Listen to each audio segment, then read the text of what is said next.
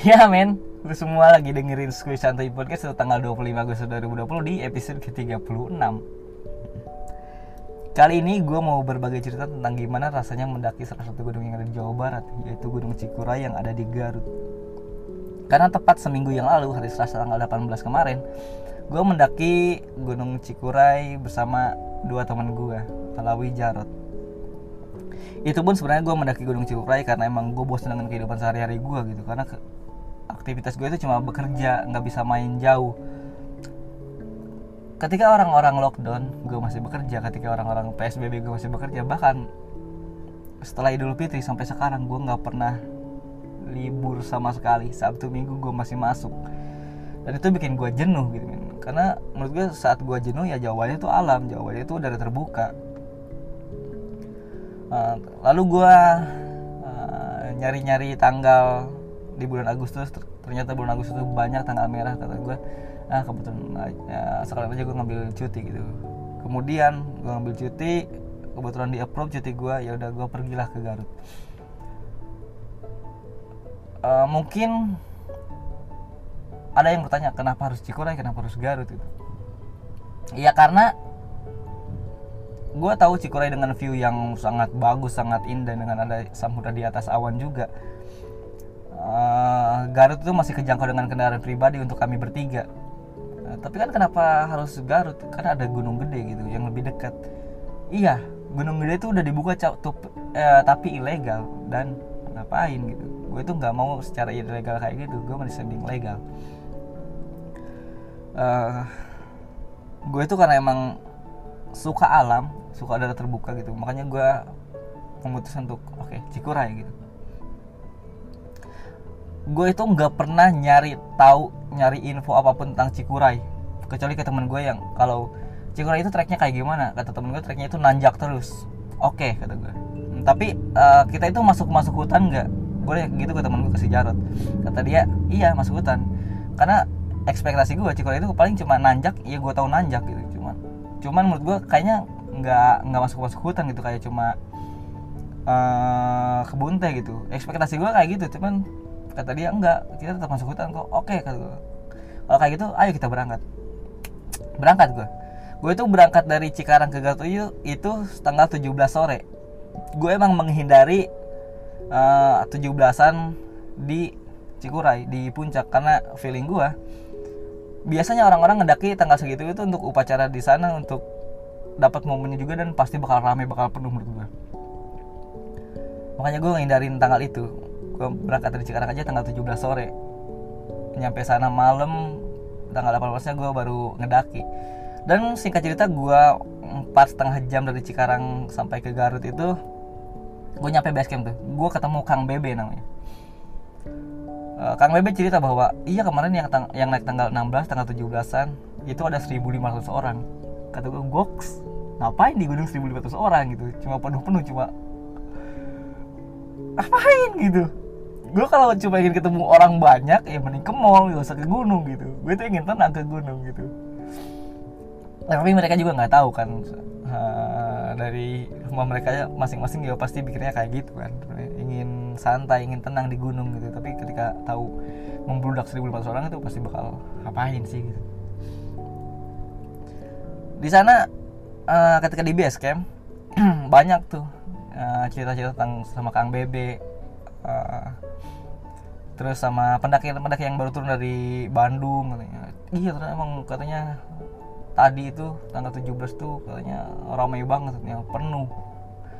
Kata gue untung gue ngincernya tanggal 18 tanggal 18 tanggal 19 gue ngedakinya. Uh, serunya naik gunung itu menurut gue ketika ketemu orang yang baru kita bisa ngobrol bisa kelihatan akrab menurut gue kayak gitu uh, gue juga uh, banyak cerita tentang sama Kang Bebe yang ada di base camp itu uh, simaksi untuk ke Gunung Cikuray itu simaksi itu surat izin masuk kawasan konservasi. Itu harganya 30.000 seingat gue dan kita sewa pick up uh, 70 70.000 itu bolak balik jadi kita dari base camp ke pos pemancar itu uh, diantar pick up karena pakai kalau pakai kendaraan pribadi itu agak sulit.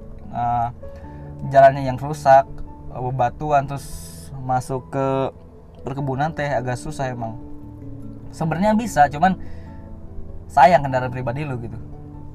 Gue juga gitu kata gue kayaknya mobil gue masih bisa nih ke sini nih. Naik naik masih bisa masih bisa. Pas ke, nyampe ke sananya anjing kata gue gue masih mending ba berani bayar tujuh puluh ribu bolak balik tapi mobil gue aman gue gitu sih dan emang jarak dari base camp Kang Bebe ke pos pemancar itu emang jauh men. Sekitar 30 menit untuk naik pick up aja. Nah kata gue gue berani bayar 70 ribu bolak balik sih sebenarnya kalau kayak gini gitu. Gue bareng sama pendaki-pendaki yang asal Depok enam orang. Gue sama pendaki asal Indramayu 8 orang. Sedangkan dari Cikarang cuma tiga orang cuma gue Alawi Jarot. Udah Hmm, kita sih berangkatnya sebenarnya dari pagi naik pick up untuk ke pos pemancar. Cuman karena ada kejadian bahwa ada yang tertinggal salah satu tas milik orang Indramayu. Jadi hmm, pick up harus balik lagi kita harus nunggu lagi. Ketika mobil balik lagi mobil ternyata udah bawa orang Depok. Otomatis ya udah kita naik aja kita bertiga. Sedangkan orang yang Indramayu itu yang nunggu dia harus nunggu lagi karena mobil nggak kuat untuk naik uh, bawa 17 orang. Lebih bahkan soalnya ada orang Bandung juga kalau nggak untuk naik gitu. Cuman ya udahlah gitu. Pun gue start dari pos pemancar ke pos 1 itu mulai dari jam sekitar jam 11 siang. Gue baru mulai mulai ngedaki tuh jam 11 siang gue tiga orang yang udah mulai panas. Awalnya sih treknya emang udah kerasa nanjak dan itu udah kebun teh lumayan kerasa sih men sebenarnya. Dari pos pemancar ke uh, pos satu aja. Nyampe pos satu gue nggak tahu sih ini berapa menit kita jalan kaki ya sebenarnya. Pos satu kita registrasi lagi uh, nulis nama lagi nulis nomor telepon karena mungkin datanya supaya disinkron dengan yang ada di Kang Bebe. Sebenarnya naik Gunung Cikura itu nggak nggak ribet sih yang penting lu harus tetap pakai masker dan harus bawa surat keterangan sehat dari rumah dari klinik dari dokter gitu. itu dong syarat untuk naik ke Cikuray sih. So ya udahlah kita registrasi udah kita mulai naik tuh. Dari pos 1 naik ke pos 2 itu emang ini kayaknya pos paling jauh sih menurut gua kayaknya ya, dari pos 1 ke pos 2 ini yang awalnya cuma perkebunan orang gitu kebun teh terus perkebunan terus sudah mulai masuk hutan. Emang treknya udah nanjak terus tanah akar. Udah mulai kerasa anjing ini udah udah main naik siang. Dikasih trek kayak gini cepet lemes gitu. Lemes banget teman gue aja ngerasa anjing ini trek kok kayak gini banget katanya. Nggak tahu berapa lama kayaknya dua jam dua jaman atau nggak tahu. Lumayan lama sih dari pos 1 ke pos 2 cuman yang gue rindu dari gunung itu adalah ketika gue lagi capek gue bisa duduk di tanah terus gue uh, bisa nyender di tas carrier gue gue lihat ke atas uh, yang gue lihat itu pohon terus uh, langit yang masih warna biru gue masih ngerasain angin yang seger banget ke badan gitu. Gue itu rindu sama itu gue rindu sama suara burung gue rindu kotor-kotoran gue rindu yang capeknya bahkan. Nah, gue tuh rindu ketemu orang yang kalau kita lewat kita bilang permisi kita bilang punten meskipun sama orang yang nggak kenal gitu. Gue tuh rindu gunung itu rindu itunya gitu. Bahkan gue rindu tanah basah setelah hujan ketika gue di gunung. Uh, dengan trek yang sangat hmm, menguras tenaga sebenarnya untuk ke Cikuray. Uh, kita nyampe lah ke pos 2 di pos 2 itu kalau nggak salah ya uh, tempatnya emang agak-agak luas. Di sana bahkan ada yang sholat aja uh, teman gue juga so, ada yang sholat kok. Gue enggak gue enggak ya. Emang enggak gue gue bangsat gue ketika gue ngeliat orang yang sholat gue ngerasa anjing kok kayak adem banget indah banget gitu. Kok bisa seadem ini gitu di gunung orang masih ada yang sholat. Gue sangat respect orangnya kayak gitu. Indah banget kelihatannya men. Ketika orang masih capek tapi masih bisa beribadah gitu. Dan di pos 2 juga seingat gue gue itu dikasih makanan cemilan sama orang Depok sama namanya Mbak Ayu orang Depok. Kata gue nggak usah mbak nggak usah mbak. Udah udah ambil aja ambil aja kata dia. Udah nggak usah beneran beneran. Itu juga bawa cemilan udah nggak apa-apa ambil aja katanya. Kita dikasih lah tenggo terus ya udahlah kita berhenti agak lama masih di pos 2 kita di situ masih ketemu pendaki masih bareng tuh. Uh, yang pendaki Depok pendaki Indramayu gitu. Pun sebenarnya naiknya tuh nggak bareng kita. Jadi ketika kami naik uh, dia lagi istirahat kita kejar. Dan sebaliknya gua lagi istirahat dia naik. Jadi kekejar saling kejar-kejaran gitu lah. Terus naik lagi dari pos 2 ke pos 3 dan treknya udah ini treknya masih masih panjang banget udah kayak dari pos 1 ke pos 2 masih jauh kelihatannya. Naik dengan udah akar udah treknya udah lebih curam lagi. Terus ya udah kita istirahat di pos 3 kita karena emang udah menjelang sore karena itu. Karena kan kita udah naik udah siang sebenarnya terus kita bukalah tenggo dari si Mbak Ayu itu yang pendaki Depok. Dan anehnya men gue itu jujur gue itu kurang suka sama tenggo tapi pas itu kenapa tenggo bisa enak banget? Cuma makanan tenggo doang tenggo baper tenggo kenapa bisa seenak ini gitu. Gue tuh pen pernah beli tenggo juga di Indomaret di Alfamart gitu. Ya paling gue nyobain cuma satu doang. Satu kata gue udah nggak enak gitu bukan gak enak sih. Gue lebih lebih kurang suka aja. Bukan gak enak ya. Gue cuma kurang suka karena uh, lidah gue terasa kurang aja kurang kurang menyatu sama tenggo itu tapi kenapa di kemarin gue makan di pos 3 itu sama temen gue ini kenapa tenggo enak banget gue atau mungkin karena capek gitu ya? Atau mungkin capek terus udah lapar juga kayaknya. Kenapa bisa tenggo seenak ini kata gue untuk Mbak Ayu terima kasih udah kasih tenggonya itu tenggo terenak yang pernah saya makan loh Mbak pasti saya nggak bohong. Terus nggak lama juga sih berhenti di pos 3 kita naik lagi ke pos 4 dengan trek yang agak lumayan juga. Di pos 3 ke pos 4 juga lumayan jauh. Hmm, pokoknya itu kita udah mulai tenaga udah mulai sangat berkurang. Naik beberapa langkah kita minta break gitu. Temen gue minta break. Terus ya, setiap break teman gue duduk uh, lepas gue jujur gue kalau break itu gue paling kayak ruku doang gitu. Tas masih di punggung karena emang kalau misalnya gue duduk itu yang bikin cepet lemes menurut gue sedangkan temen gue duduk ya ya udahlah nggak apa-apa. Yang penting aman kan. Uh, terus tapi break juga nggak lama. Karena emang baju keringetan kan keringet keringet terus kena angin gunung itu dingin. Jadi semakin lama kita berhenti semakin dingin malah yang ada. Jadi mending gerak terus. Makanya break nggak lama. Uh, terus kita nyampe ke pos 4 pos 4 masih ramai juga. Masih ketemu orang Depok dan orang Indramayu. Ternyata kita masih ketemu di sana. Nah, hal yang lucu menurut gue di pos 4 itu ketika karena orang Indramayu itu uh, totalnya 8 orang tapi ada dua perempuan. Nah ketika dua perempuan itu kayaknya udah udah capek udah lemes gitu terus sama si temennya nih satu lagi yang ramai disemangatin ayo ayo nanti nanti dibeliin makanan padang aja gitu gue nyemangatin orang dengan janji-janji kayak gitu di gunung kayak yang kayaknya emang bisa bisa sih bisa bisa nyemangatin orang kayak gitu gitu ya dengan gue ingetnya di pas sempat kayak gitu doang sih sebenarnya. Kayak orang Indramayu nyemangatin orang dengan janji. Ayo lu kalau bisa kalau bisa nyampe sana nyampe puncak gue gue beliin ini gue beliin ini. Itu nyemangatin dengan janji.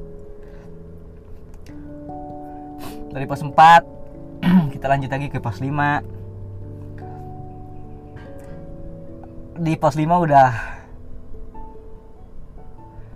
itu tenaga udah benar-benar habis men sebenarnya udah ah udah ini udah udah sore juga udah udah lemes banget udah capek kaki udah gemeteran gitu. Udah dingin juga udah udah capek banget naik gunungnya itu. Udah udah mulai nggak semangat udah mulai sepi tuh udah udah nggak ada yang bercanda lagi. Karena emang orang Depok yang yang bercanda orang Depok itu bercanda melulu namanya si TB ini orang lucu banget sih emang bercandanya nyablak. Bangsat emang lucu orang ya. Emang lucu cuman bercandanya jelek. Ngajak-ngajak orang lain. Tapi lucu men lucu men lucu lucu, lucu. Nah, tapi di pos 5 udah mulai sepi itu. Udah mulai kayaknya ini tenaga udah udah mulai habis gitu. Udah saking capeknya karena orang dihantem trek yang naik terus. Uh, tanah terus akar yang udah mulai mm, gitu. Anjir gitu. Kok cikurai gini banget treknya gitu. Udah bikin lemes men. Terus bawahnya tuh udah ingin ngecamp gitu kalau udah nyampe pos 5 tapi kalau dari pos 5 kita ngecamp terus nanti untuk nyampe ke puncaknya lebih jauh lagi kalau besok pagi gitu. Tapi ya udahlah kita maksain kita lanjut nyampe ke pos 6 di pos 5 kita jalan lagi ke pos 6 dan dan emang dari pos 5 ke pos 6 memang nggak terlalu jauh nggak sejauh dari pos 1 ke pos 2 2 ke 3 3 ke 4 dan 5 ke 6 itu udah mulai berkurang uh, jaraknya. Kita nyampe pos 6 itu jam 17.20 nggak salah udah hampir setengah 6 tempatnya emang luas di situ. Uh, ya udah kita ngedirin tenda di situ ternyata di situ udah ada orang Indramayu juga yang tadinya bawa perempuan yang bisa mangatin terus orang Depok juga di situ. Jadi kita ngecamp bareng-bareng di situ. Cuma beda tenda doang. Beda beberapa langkah. Jadi kita ngecamp di situ. Pun sejujurnya kalau emang mau nurutin ego gue gue itu masih mau lanjut. Gue itu masih ingin ngecamp di pos 7 atau pos bayangan. Karena supaya besok paginya lebih dekat ke puncak. Karena supaya besok pagi nggak nggak terlalu menguras tenaga juga untuk nyampe puncak gitu. Tapi uh, gue coba melebur ego gue bahwa ah teman gue udah kecapean banget ini kakinya udah gemeter udah udah kayaknya udah nggak sanggup untuk jalan bawa carrier lagi gitu. Ya udah kita ngecamp di situ kita bareng-bareng di situ kita ngiritin tenda kita uh, masak kita ganti pakaian dulu terus kita masak kita makan lalu kita tidur.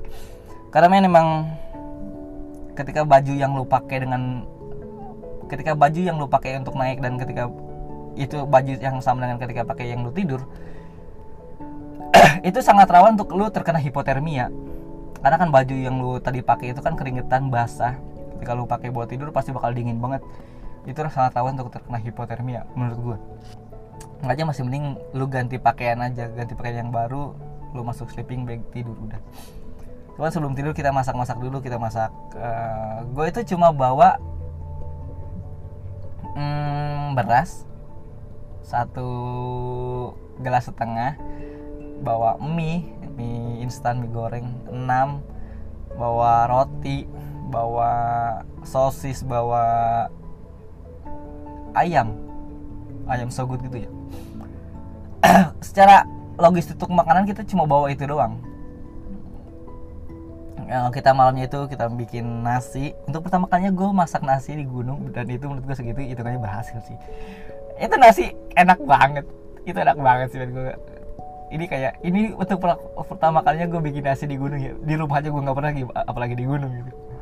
Untuk pertama kalinya gue uh, masak nasi itu berhasil menurut gue meskipun masih ada yang gigih ya yang masih keras cuman karena lapar karena capek ya ini enak-enak aja. Ditambah kan sama ayam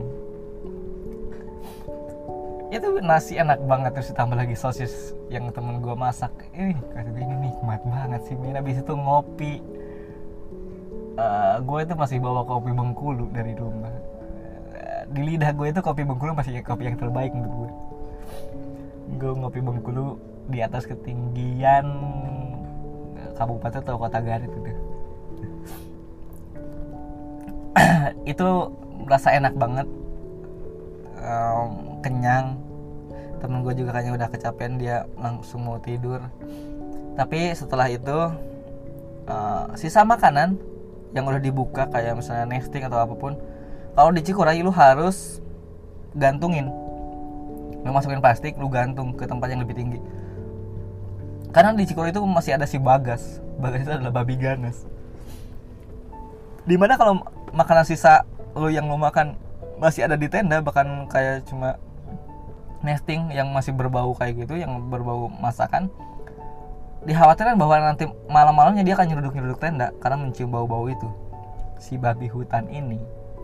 Makanya sisa makanan itu selalu digantung kalau di Cikuray. Kita digantung di pohon atau digantung di pokoknya tempat yang lebih tinggi lah supaya babi itu tidak bisa uh, mencium. Meskipun mencium kan dia tidak bisa ngejangkau kalau tinggi makanan sisa-sisa gue juga gitu digantung nesting juga kompor juga. Tapi kayaknya aman sih. Dan emang Cikuray kerasa dinginnya men kalau malam. Gue udah ganti pakaian gue udah pakai hmm, masker gue pakai sweater gue masuk sleeping gue pakai kaos kaki masih kerasa dingin.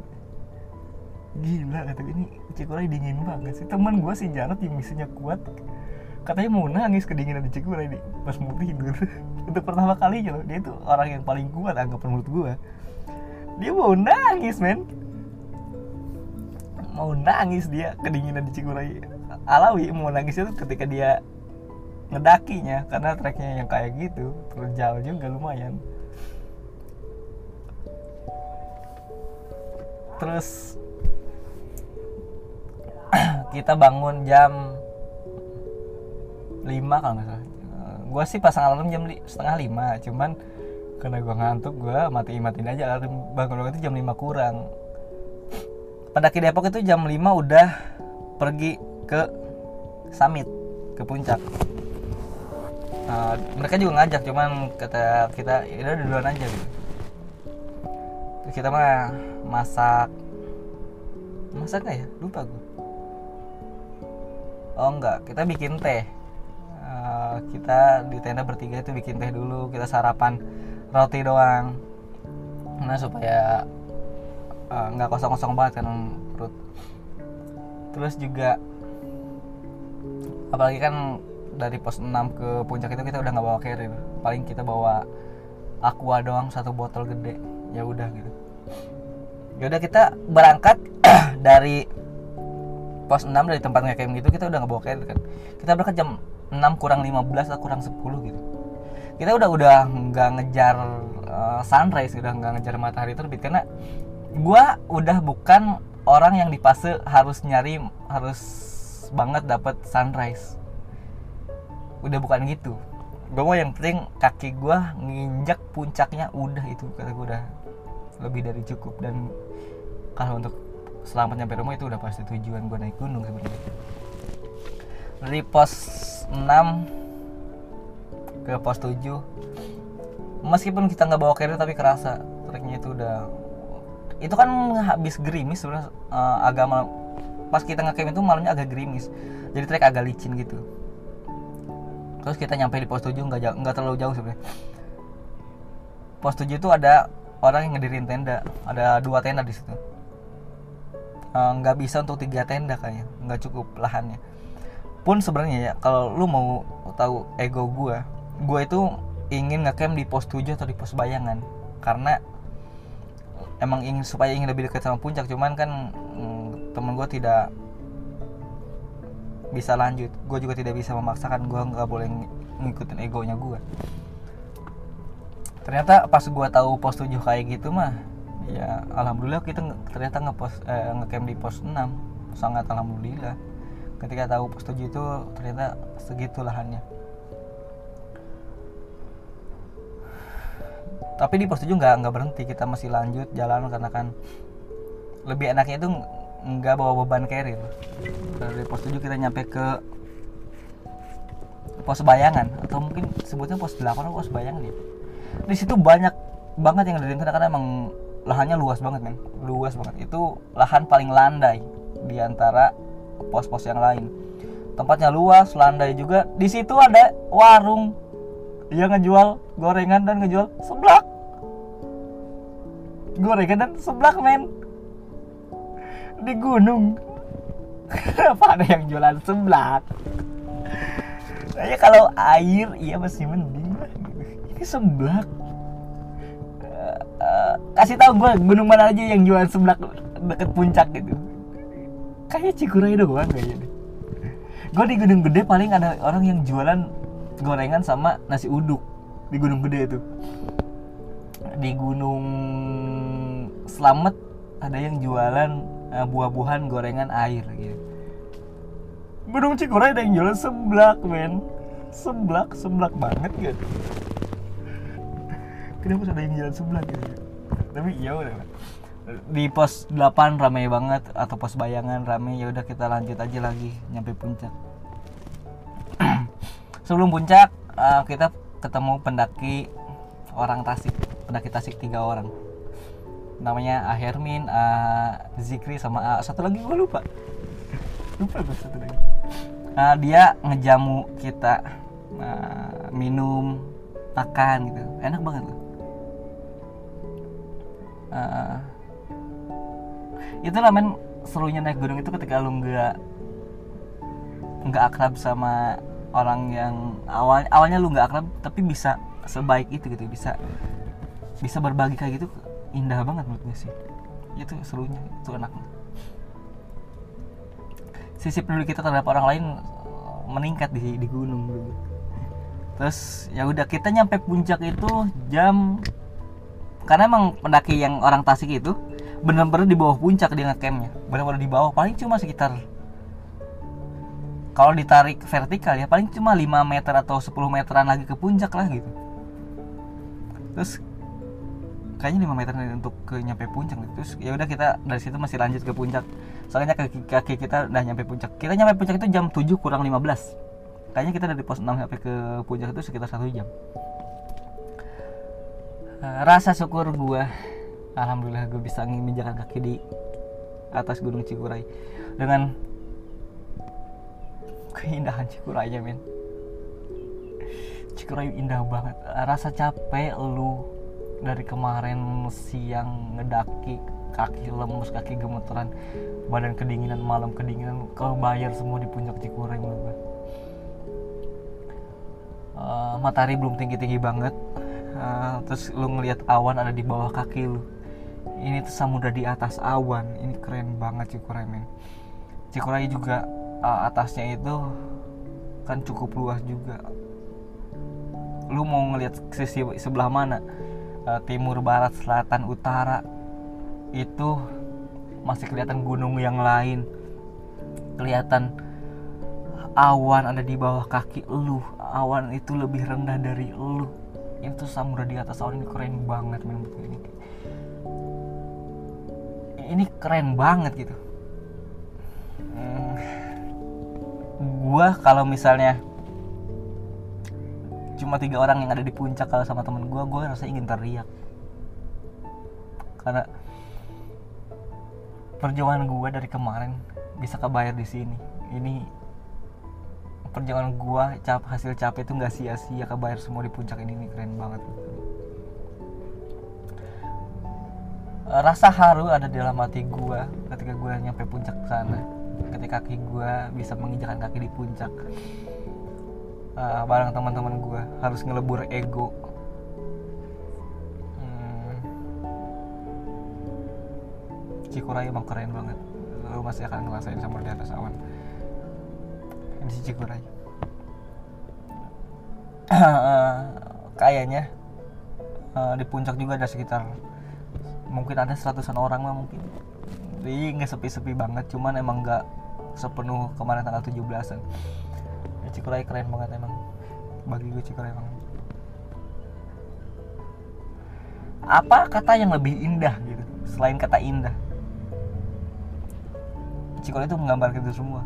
Indah itu indah banget Cikuray samudra di atas awan langitnya yang biru. Lu me- ngeli- bisa ngelihat uh, gunung-gunung lain lain yang jauh terus ngeliat awan ada di bawah lu. Indah indah banget men. Terus ya udah kita nggak nggak lama juga di puncak. Uh, kayaknya sejam juga enggak kayaknya di puncak. Karena emang tujuan kebanyakan orang juga naik gunung itu tujuannya bukan puncak. Puncak itu cuma bonus. Yang penting itu selamat sampai rumah. uh, ada orang yang menikmati perjalanannya dan gue salah satu orang yang menikmati perjalanannya. Bukan di puncaknya tapi di jalannya. Proses di jalannya gue suka gue suka itu. Turun dari puncak kita ke uh, teman kita juga yang ada di yang dari Tasik tadi. Mereka menjamu kita beneran. Mereka ngasih makan mereka ngasih minum ngasih kopi ngasih teh gitu. Sangat enak jamuannya. Uh, gue respect terhadap mereka.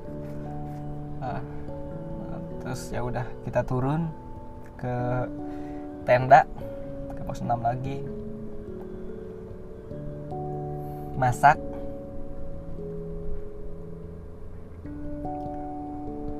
Masak mie mie itu 6 kita udah nggak ada nasi ya by the way. Kita masak mie 6 mie goreng 6 untuk tiga orang itu kayaknya kurang. Saking capeknya kayaknya masak mie 6 kita. Uh, terus ngopi-ngopi lagi terus uh, pendaki mana ya? Pendaki Indramayu ngasih kita semangka bu buah semangka. Ini ini yang nggak bisa gue dapat di kota gitu. Ini yang nggak bisa gue dapat di Cikarang. Orang-orang yang bisa berbagi kayak gini meskipun kita nggak kenal lama. Orang Depok juga uh, ngasih kita nugget ngasih kita cabai pertanyaan gue ngapain nih bawa cabai mau nyambel? Kan bisa beli dari bawah kalau sambel gue kalau emang mau nyambel gue bingung gimana bawa cobeknya. Itu doang sampai sekarang. Ngapain ya? Masih gak kepikiran sama gue sampai sekarang sih kenapa harus bawa cabai gitu. Ya udahlah.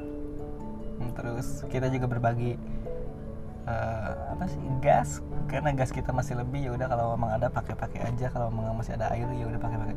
Kita sebelum turun kita mm, foto bareng. Hmm, Cikarang Indramayu Depok. Itu foto keseluruhan sebenarnya. Emang orang Depok kata gue kan memang dia tuh nggak pernah nggak pernah sepi orang Depok. Karena emang ada orang yang selalu ngebaca terus cuma lucu pas moto dia bilang ke uh, pendaki Indramayu kan ya masa artisnya nggak ikut foto katanya eh, energi cagur anjing itu ketawa lucu banget gue Emang ada pen, orang pendaki yang orang Indramayu itu mukanya mirip banget kalau di kalau lu ngeh kalau lu uh, lihat dengan seksama gitu ya. Mukanya mirip banget Narji Cagur gue pas si si TB orang Depok itu bilang masa ada ada ada Narji Cagur gitu? Masa sama artisnya nggak nggak foto gitu Narji Cagur gue ketawa ada yang nggak ketawa kayak di situ. Lucu banget tuh orang. Gue pikir aja ya ini Narji Cagur lucu banget terus ya udahlah kita turun. Gue bawa trash bag. Jangan lupa main pokoknya di gunung itu sisa sampah sekecil apa pun sampah lu harus dibawa turun. Lu jangan buang sampah sembarangan nah, sekecil apa pun juga. Hmm, sampah harus dibawa turun dibuang di bawah. Gue bawa trash bag gue bawa kantong sampah sisa sampahnya itu uh, eh, gue yang bawa di tas gue gue turun dari pos 6 ke pos memancar 2 jam. Dari jam 11 cuma nyampe jam 1 gue naik ke sampai pas 6 itu 6 jam. Gue turun 2 jam. Gue turun itu udah kayak anak monyet ngebohong gue gue lari turun meskipun treknya terjal ya gue lari uh, paling sebentar break gue lari lagi loncat-loncatan break. Udah kayak gitu doang. Kayak gitu terus gue lari. Makanya naik gue 6 jam turun gue cuma 2 jam. Cepet banget. Kayaknya orang juga ada yang heran kenapa sih orang sampai larian ya? Karena emang biasa kayak gitu di cerme kayak gitu di selamat juga kayak gitu. Gue turun mana yang yang gak lari ya gue di gunung gede juga kayak gitu dulu. Lari gue dari atas itu. Gue bisa lari karena gue yakin gue bisa aman. Kalau misalnya lu nggak ini mah bahaya jangan. Jangan diikutin kayak gitu. Yang penting lo kan safety lu hmm, selamat nyampe rumah. Terus apalagi ya? Pokoknya Cikole memberikan kesan yang sangat mendalam bagi gue itu Cikolai nggak nggak akan pernah bisa gue lupain. Keindahannya kecapeannya. Nah, teman gue sampai bilang katanya anjing gabutnya si Bobby jelek banget katanya. Gabutnya uh, ngajak naik gunung katanya. Dia sampai bilang uh, uh, gue kalau bisa diajak naik gunung mana pun juga ayo lah tapi kalau untuk Cikuray enggak dulu deh katanya. Anjing Cikuray ternyata kayak gini. Iya iya ya udah ya udah Emang Cikuray sangat menguras emosi tenaga juga. Ah udah gue mau cerita Cikuray sampai situ doang. Ah gue mau berbagi rasa tentang gimana rasanya naik gunung. Orang ada yang bilang apa sih enaknya naik gunung? Bagi gue nggak ada yang enak naik gunung. Nggak ada. Naik gunung itu capek. Ya, tapi bagi gue gue emang sengaja nyari capeknya. Gue tuh nyari capeknya gue nyari uh, gue tuh emang emang emang sengaja nyari capeknya gitu. Gue tuh emang rindu rindu capeknya. Gue rindu tanah basah gue rindu sama uh, baju basah karena keringat terus kena angin. Gue rindu suara angin gue rindu suara burung yang ada di hutan. Gue rindu masuk hutan gue rindu tanah basah gue rindu ketemu orang yang gak akrab terus turun-turun bisa menjadi akrab bahkan bisa saling follow-followan di sosial media. Gue rindu itunya. Dan uh, lu udah tahu capek naik gunung kenapa lu masih harus naik gunung? Ya karena gue suka. Turun dari gunung itu gue bisa cerita kepada orang yang belum pernah naik gunung. Kayak gini mungkin lo yang belum pernah naik gunung uh, ini senangnya gue gitu. Gue senang ketika gue bisa cerita kepada orang-orang kalau naik gunung itu menyenangkan meskipun capek itu sih menurut gue apalagi ya? Naik gunung juga. Hmm, jangan sembarangan lo naik gunung lo harus uh, safety juga. Uh, harus peralatan lo harus memadai. Kondisi fisik lo harus kuat mental lo juga harus kuat. Mental juga sangat penting sebenarnya untuk naik gunung peralatan yang memadai yang peralatan yang safety itu harus sangat diperlukan. Sangat itu. Dan ada tiga pesan untuk kalian yang mungkin baru mau mulai ngedaki itu. Ini bukan bukan kata-kata gue ya. Ini udah dari lama banget ada kayak gini lu jangan mengambil apa pun kecuali gambar jangan meninggalkan apa pun kecuali jejak jangan membunuh apa pun kecuali waktu uh, jangan ambil apa pun kecuali gambar. Jangan meninggalkan apa pun kecuali jejak. Jangan membunuh apa pun selain waktu. Ingat tiga kode etik itu ketika lo mau mendaki gunung. Udah segitu doang dari gua. Hmm, main juga hampir 40 menit gue cerita ini. Nah, terima kasih untuk yang sudah mendengarkan uh, semoga uh, lain waktu kita bisa mendaki bareng. Kita atau kita ketemu di trek kita bisa berbagi cerita. Kita bisa berbagi makanan kita bisa saling sapa-sapaan. Kita bisa bercanda dengan uh, puncak 5 menit lagi tapi padahal kita pas kita jalan satu jam lagi. Segitu dulu dari gue terima kasih yang sudah mendengarkan. Uh, spesial thank you buat uh, Alawi Jarot kedua sahabat gue uh, untuk pendaki Indramayu untuk Azil dan teman-temannya untuk pendaki Depok Mbak Ayu TB dan teman-temannya dan untuk pendaki hmm, Tasikmalaya A Azril eh A Azril A Hermin Azikri terima kasih.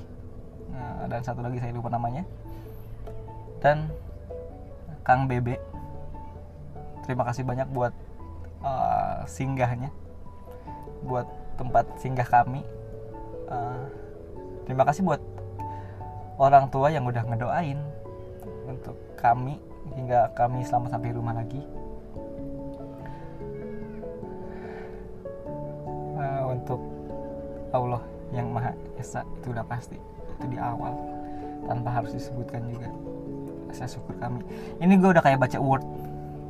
Udah men segitu dong dari gue terima kasih untuk yang sudah mendengarkan. Ketemu lagi di selasa depan bareng gue di Skoy Santai Podcast